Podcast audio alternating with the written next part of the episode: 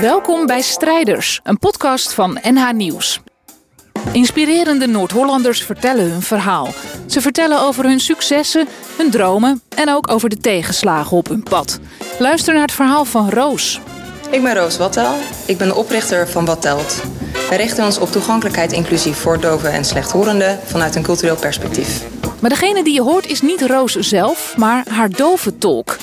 Ze zijn in Rue Paré, een buurthuis in Slotervaart in Amsterdam. Er staat een sokkel en op de sokkel staat vandaag een houten beeld van een onderarm. De arm is fragiel, maar de vuist is gebald. Ik ben doof geboren en ik heb mijzelf nooit als gehandicapt ervaren. Ik wist nooit beter dan dat ik doof was. Toen ik een jaar of tien was, wachtte ik samen met mijn vader op het perron op de trein. Ik was met het treinkaartje aan het spelen en opeens zag ik dat er stond begeleidingskaartje voor gehandicapten. Ik vroeg aan mijn vader: Volgens mij heb je het verkeerde kaartje gekocht. En mijn vader keek me aan en zei: Ja, de maatschappij ziet jou als gehandicapt. Daar moest ik om lachen. Ik gehandicapt? Hoezo? Ik kan gewoon lopen. Ik heb mijn armen nog.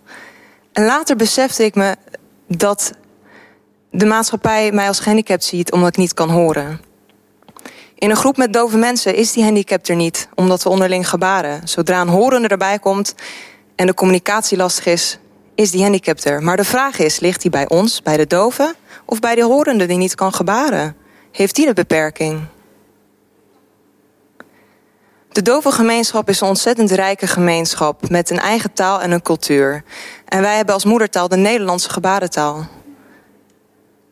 En we hebben ook een gedeelde geschiedenis.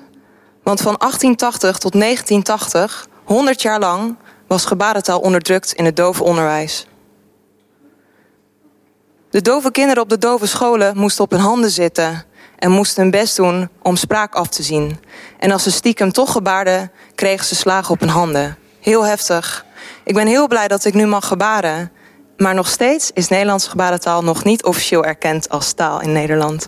En ik hoop dat dat heel snel wel gaat gebeuren.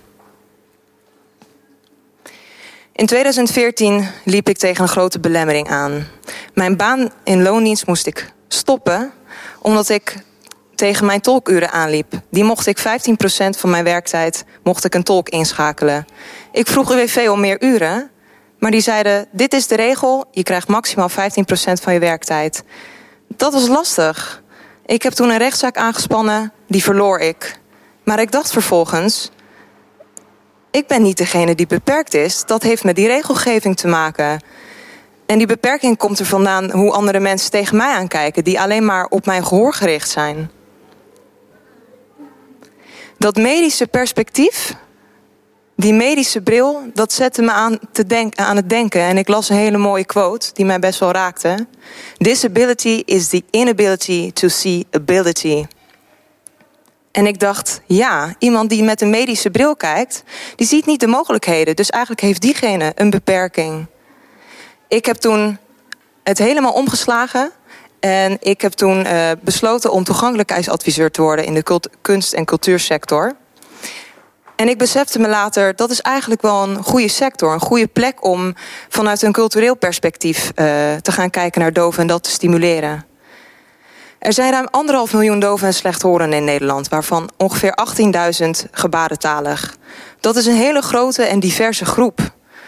En die ook in de samenleving verschillende belemmeringen ervaringen. Omdat de samenleving auditief is. Denk aan de omroep op tv-station, op uh, stations, op tv waar geen ondertiteling is.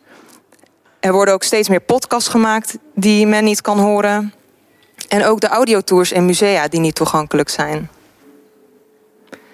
In Nederland zijn er totaal 21 musea waar we workshops hebben gegeven. En in totaal zijn er 15 musea die aangesloten zijn bij musea en gebaren. We hebben 26 dove museumgidsen opgeleid. En vanuit musea zijn er toen ook vragen gekomen. Wat is nou het probleem eigenlijk? Dove mensen, hun ogen werken prima. Ze kunnen de kunstwerken goed waarnemen. Het is visueel. Wat is het probleem? En dat vond ik een hele mooie vraag, omdat dat al een voorbeeld is dat het lastig is om in te leven in dove mensen, wat het betekent om doof te zijn. Ik zal even een paar voorbeelden noemen. Als je daar een kassa loopt in het museum, loop je daar al tegen een barrière aan. Omdat dat de eerste keer is dat de medewerker een dove ziet. Die weet geen houding te geven, die weet niet wat hij moet doen. In Amsterdam beginnen ze al snel Engels te ratelen of halen ze een collega erbij. En voelt de dove zich al, al niet goed ontvangen. En is het niet een goede eerste indruk van het museum. En als je eenmaal het museum binnen bent, voel je je buitengesloten omdat iedereen met koptelefoons rondloopt. Je ziet wel teksten op de, uh, op de muren van de musea, maar Nederlands is nog een tweede taal voor dove mensen en dat is ook nog een belemmering. Wij leiden dove mensen op tot museumgids en zij geven rondleidingen in de Nederlandse gebarentaal. Dit zijn belangrijke figuren in het museum. Zij zijn echt een rolmodel. Native signers die zelf in gebarentaal de informatie geven. Dus mensen kunnen op de eerste hand in hun eigen taal de informatie tot zich nemen. Dus net als dat mensen graag naar Nederlands luisteren in hun eerste taal, geldt het ook voor dove mensen. Dus niet via een tolk. En deze gidsen die zijn ook de bruggenbouwers tussen de kunst, de kunstwerken en de dove gemeenschap. We hebben musea ook workshops gegeven over de achtergrond, over dove cultuur en toegankelijkheid. En wij maken ook videoproducties waarin we vertalingen maken naar Nederlandse gebarentaal. We hebben ook een multi multimedia tour ontwikkeld. Dat hebben we een tijd geleden gedaan en dat loopt nu heel goed. In de toekomst willen we graag verder met dit culturele perspectief. We hebben dat in de culturele sector al gedaan, maar we willen graag naar andere sectoren. En dat biedt nog een uitdaging. Zeker in de medische sector, om daar toegankelijkheid uh, te bevorderen. De artsen zijn natuurlijk gewend om te denken in gebreken die genezen kunnen worden. Hoe ga je aan een arts uitleggen dat je ook op andere manieren kan kijken naar mensen? Zo kom ik ook bij het kunstwerk dat ik heb meegenomen. Die bekijk je vanuit een culturele bril. Als je zo naar het kunstwerk kijkt, dan zie je een mooi kunstwerk. Je kijkt niet naar die dunne arm die daar zit, waar die vuist boven zit. Dat er misschien wel een beperking of een handicap zou zitten. Dat is niet hoe je het bekijkt. Je ziet het als een mooi kunstwerk. En dat bedoel ik met dat culturele perspectief. Ik vind het een heel inspirerend en mooi kunstwerk. Je ziet echt die kwetsbaarheid in die dunne arm, maar toch komt dat uit in die sterke vuist. En dat is waar ik in geloof. Dat er kwetsbaarheid schuilt in kracht. Ik geloof niet in iemand met of zonder een beperking. Ik geloof juist erin dat iedereen wel iets heeft. Iedereen heeft zijn uitdagingen. Maar iedereen heeft dus ook zijn talenten en kwaliteiten.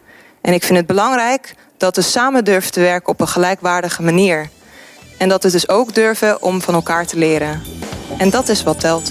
Dit was het verhaal van Roos uit de serie Strijders van NH Nieuws. Abonneer op onze podcast, dan krijg je vanzelf de nieuwste afleveringen. En alles over onze strijders vind je ook terug op nhnieuws.nl/slash strijders.